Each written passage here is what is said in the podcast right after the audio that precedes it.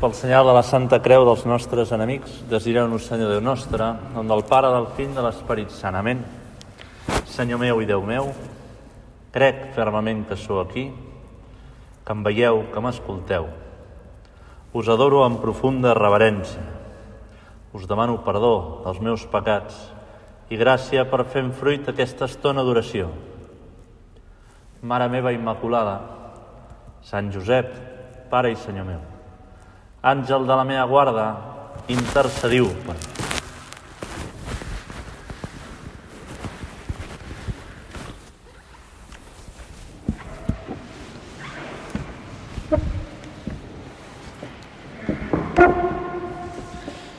amb la vostra llicència, sobirà Senyor, sacramentat.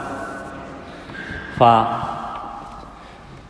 dos, tres setmanes va venir una nena petita de 12 anys i em va preguntar amb la radicalitat amb la que pregunten les nenes petites per què els mossens mai, mai parleu de Sant Josep.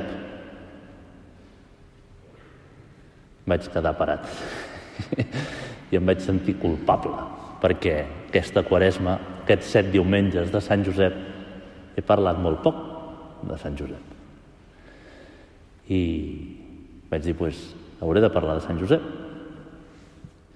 Llavors aquesta meditació del recés mensual que coincideix amb la festa litúrgica de Sant Josep, parlarem d'aquest mestre de vida interior, model, que és Sant Josep. I m'agradaria agafar un primer focus, aquest moment en què estan a Nazaret Maria i Josep. Maria ha tornat de cuidar durant sis mesos a la seva cosina Elisabet. Queda un mes, dos mesos, perquè Maria doni a llum.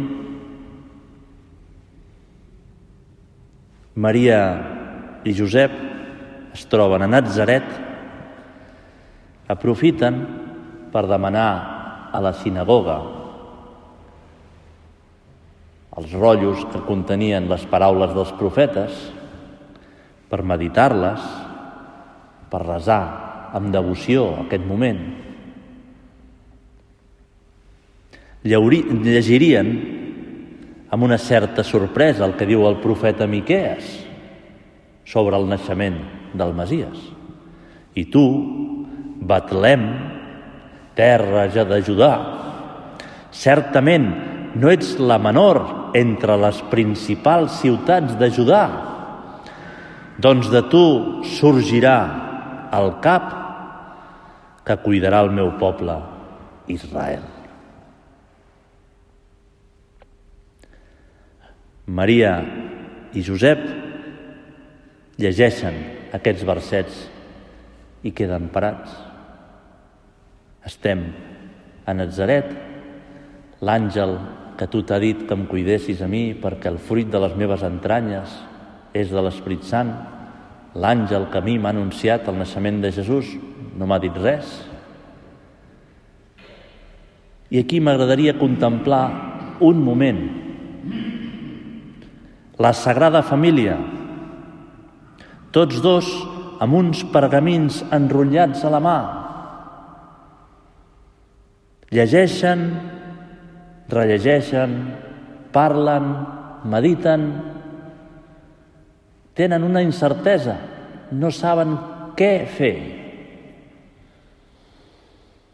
I veiem que tots dos tenen una actitud de recolliment, de pensar, de resar, de mirar a Nostre Senyor i dir-li ja ens aniràs dient el que hem de fer.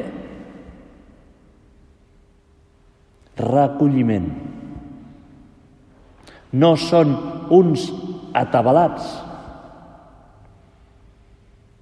És una actitud interior que tenia Maria quan diu l'evangelista Maria guardava totes aquestes coses al seu cor i les meditava.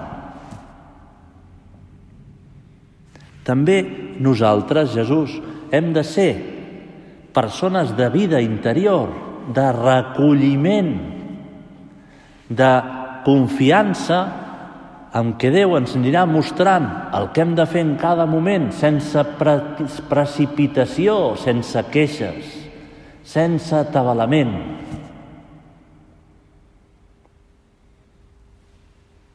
Vida interior, parar-nos a resar, recollir-nos, saber donar prioritat a la pregària enmig d'un món atabalat que vol fer coses, solucionar coses i que es precipita, que s'atabala, que corre i acaba com un hàmster donant voltes a una roda. Hem de ser persones de vida interior. Déu meu, mostra'm què esperes de mi. Fes-me veure els teus camins. Senyor, fes-me entendre el que esperes de mi en cada moment, en el moment en què tu vulguis. Heus aquí que un matí un emissari romà recorre el poble de Nazaret, fa sonar un corn i tota la població es congrega. L'emperador Cèsar August acaba d'ordenar que es faci un nou cens.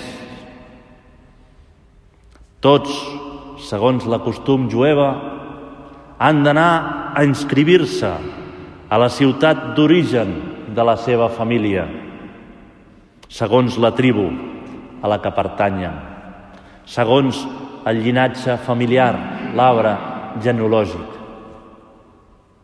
Els jueus cuidaven molt, tots tenien a casa seva, en un lloc guardat, uns pergamins que acreditaven la seva filiació, de qui eren fills, de qui eren nets, besnets, etc.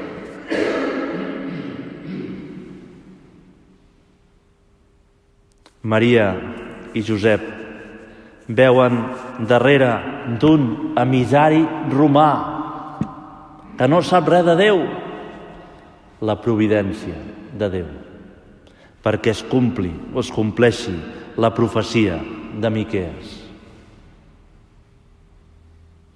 I Maria i Josep es posen en camí cap a Betlem. Potser el resum d'aquesta meditació és Sant Josep és qui fa la feina.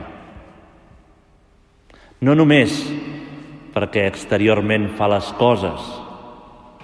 Jesús era conegut com el fill de l'artesà, del fuster, d'aquell que arreglava les coses.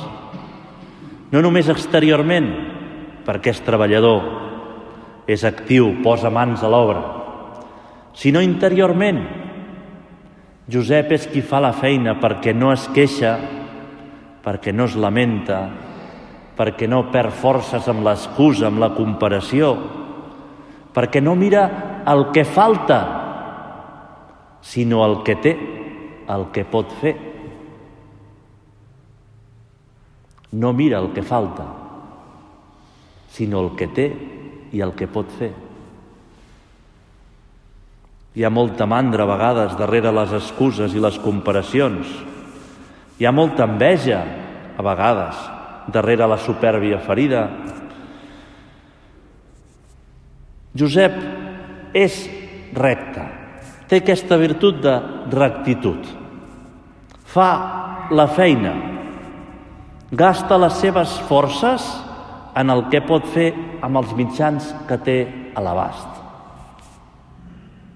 Potser avui li hem de demanar a Sant Josep en aquesta estona d'oració no només aquesta capacitat de recollir-nos, de ser persones de vida interior que saben escoltar Déu en el tràfic del dia a dia, en l'atabalament del món accelerat materialista i tenir vida, vida interior d'oració. No només demanar-li la capacitat de recollir-nos, sinó també de saber fer la feina, saber actuar, saber lluitar contra la queixa, la lamentació, no fer safrets, no comparar-se ni buscar excuses.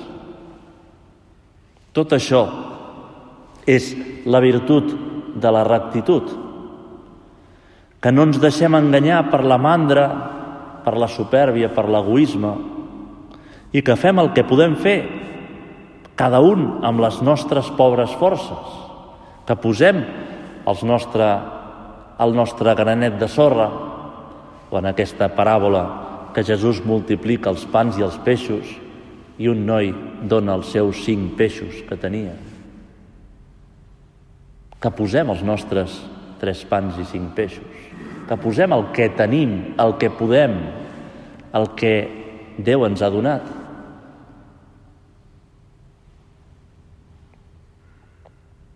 Aquest viatge que han de fer Josep i Maria no és fàcil. No tenen mitjans.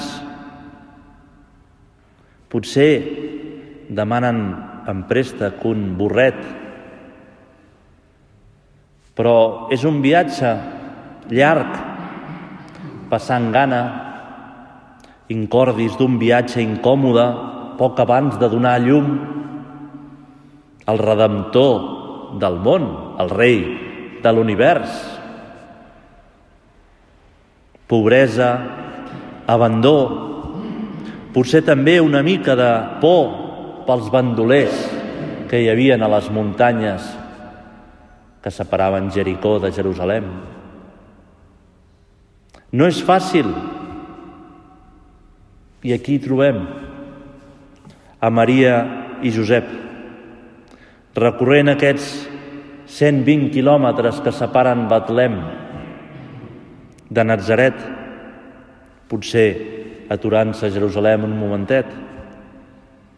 Degueren tardar cinc o sis dies de travessa i podem pensar amb el dolor de l'ànima de Sant Josep, veient la pobresa, veient la soledat, veient que no pot donar gairebé res de confort a la Mare de Déu, veient la seva missió de pare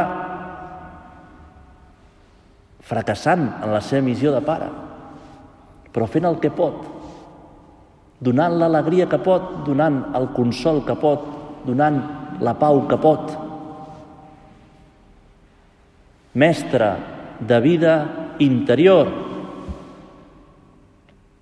I així arriben a Betlem, Allà farien cua per inscriure's en el cens.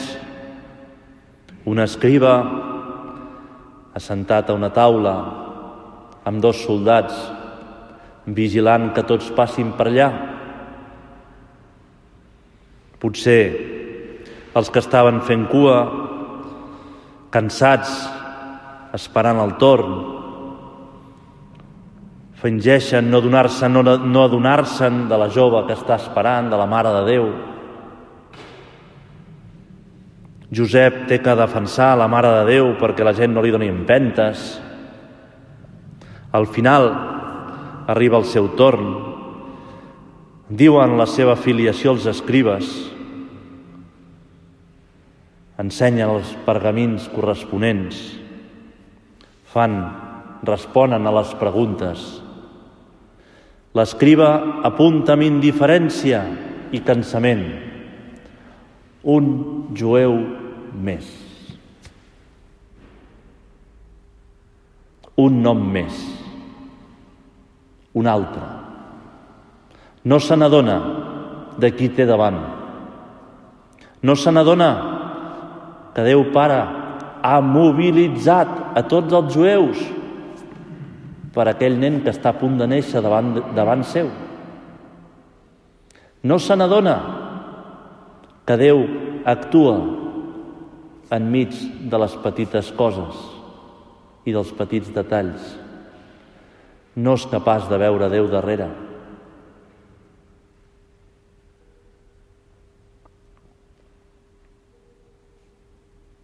Sant Josep té moltes i moltes ocasions per lamentar-se, de queixar-se, de tirar-se endarrere, però Sant Josep fa la feina.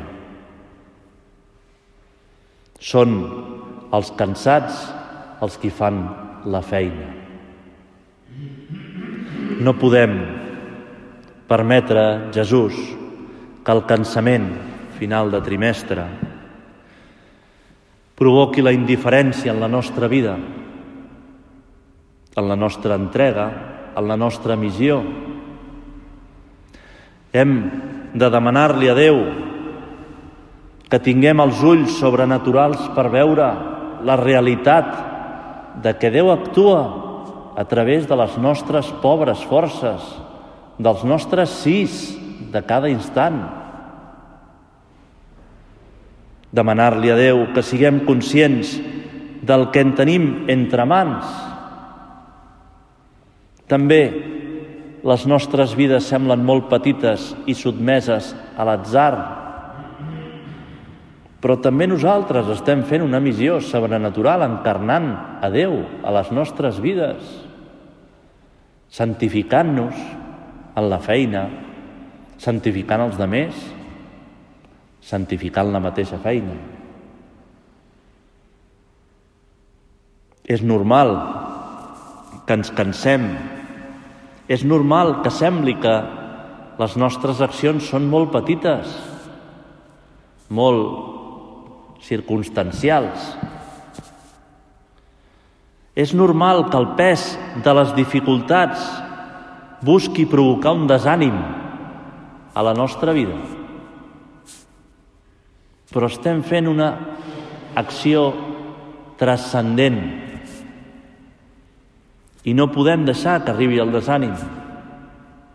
Volem veure't, Senyor, darrere de cada acció. Volem ser fills teus que actuen en el món conscients de la teva mirada. Volem viure sobrenatural. Volem tenir vida interior. És normal trobar al nostre voltant el fracàs, gent que no fa el que toca, espavilats que miren amb cara de menyspreu. Perquè treballes, perquè ets honrat, perquè ets just, perquè t'esforces per ser coherent? I ens guanyem mirades de menyspreu. Però així fem les coses, Jesús, perquè les fem per tu, perquè les fem posant el que podem, com Sant Josep, complint la nostra missió amb totes les nostres capacitats, amb tota la il·lusió, encara que costi, encara que ens cansem, encara que sigui difícil,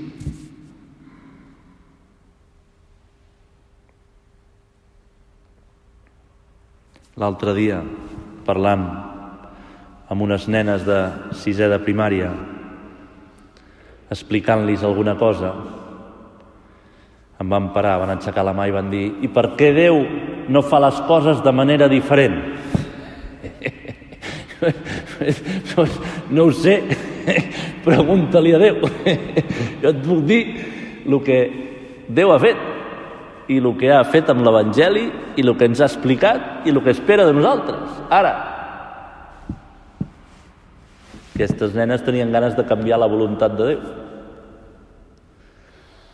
I moltes vegades la queixa, quan qüestionem les coses de Déu, és perquè tenim mandra dins, que ens costa fer el que podem fer, perquè tenim enveja de que hi ha gent que no ho fa, perquè ens pensem, depenem del que diran els altres, si ens miren com si fóssim tontos per fer el que toca.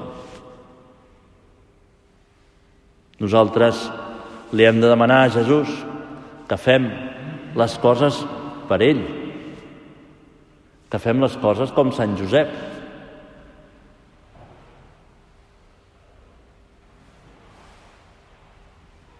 Tornem a la Sagrada Família.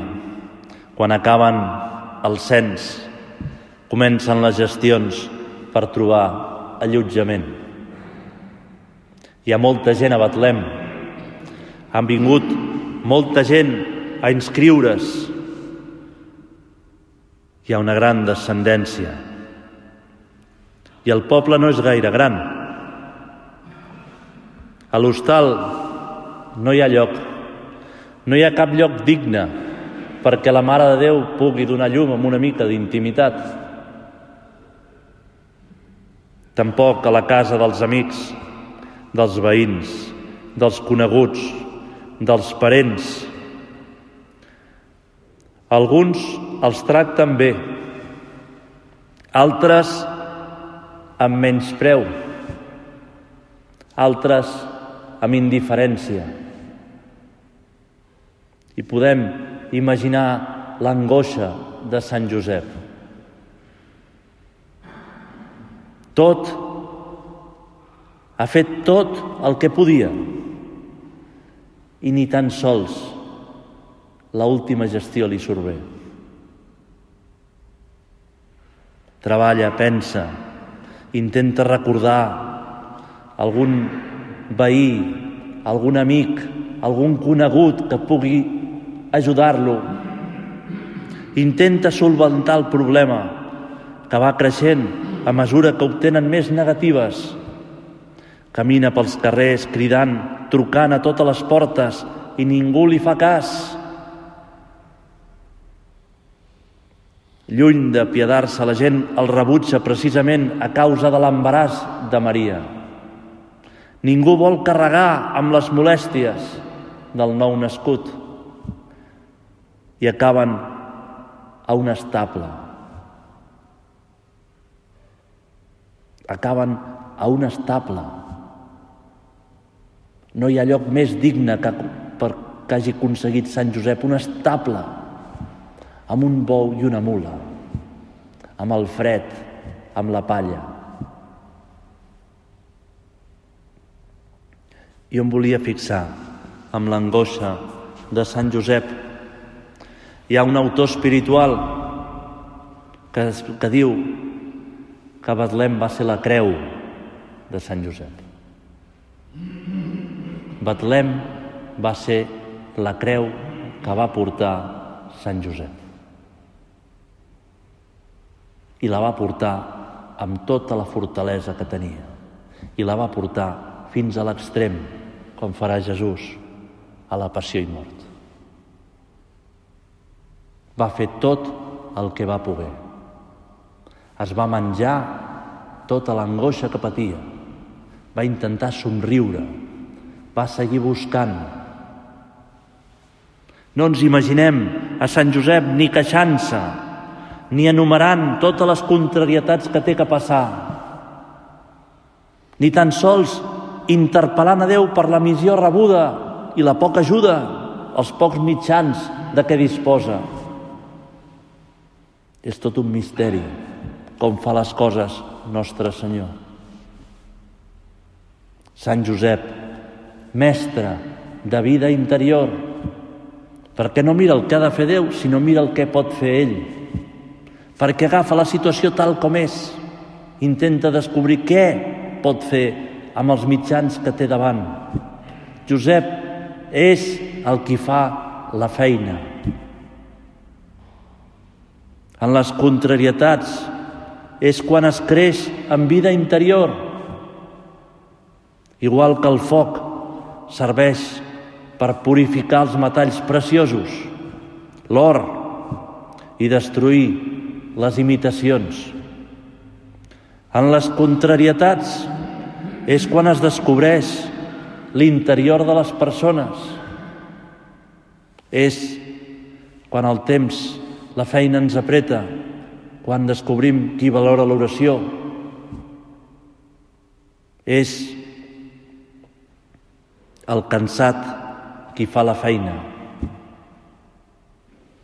També nosaltres, Jesús, ens trobem amb contrarietats, dificultats a la nostra vida. Així és la nostra vida, com la de Sant Josep. També nosaltres tenim una missió. També nosaltres ens has cridat per fer una tasca. També nosaltres tants cops ens trobem mancats de tot el que voldríem per fer aquesta tasca. No ens dona temps de fer les coses, ens esgotem, ens cansem, però no ens queixem, lluitem per no queixar-nos. Com Sant Josep, truquem a totes les portes, posem totes les nostres capacitats per treure endavant la tasca encomanada. Així, veiem que Sant Josep, en aquesta contrarietat, s'angoixa, però no es desespera ni es queixa, no perd temps lamentant-se. Les queixes només serveixen per retrasar el complir el nostre deure. Les queixes només serveixen per perdre el temps. Josep no es queixa. Josep posa tots els mitjans possibles per complir la seva missió i acaben amb un estable. Però Josep abraça el nen Jesús. Però Josep acaricia el nen Jesús, acarona el nen Jesús, vesteix el nen Jesús. Així acabem la meditació contemplant nostre Pare i Senyor Sant Josep. Sant Josep Maria parlava de Sant Josep precisament mirant l'Eucaristia, recomanant-nos aquesta imatge, demanar-li sempre que anem a rebre l'Eucaristia, poder rebre Jesús com Sant Josep va acariciar, vestir, acaronar el nen Jesús. Josep és el qui fa la feina. Segurament la Mare de Déu el va consolar. Amb el seu somriure la Mare de Déu li va fer entendre que el misteri d'aquesta humiliació responia al designi providencial de Déu. Sant Josep se sent alleujat amb la mirada de la Mare de Déu, perquè veu darrere de la contrarietat la mà d'un Déu que ho permet. També nosaltres tenim la mirada de la Mare de Déu per fer la feina com Sant Josep, per saber veure a Déu darrere dels nostres esforços, de la nostra lluita, del nostre recolliment, de la nostra vida interior.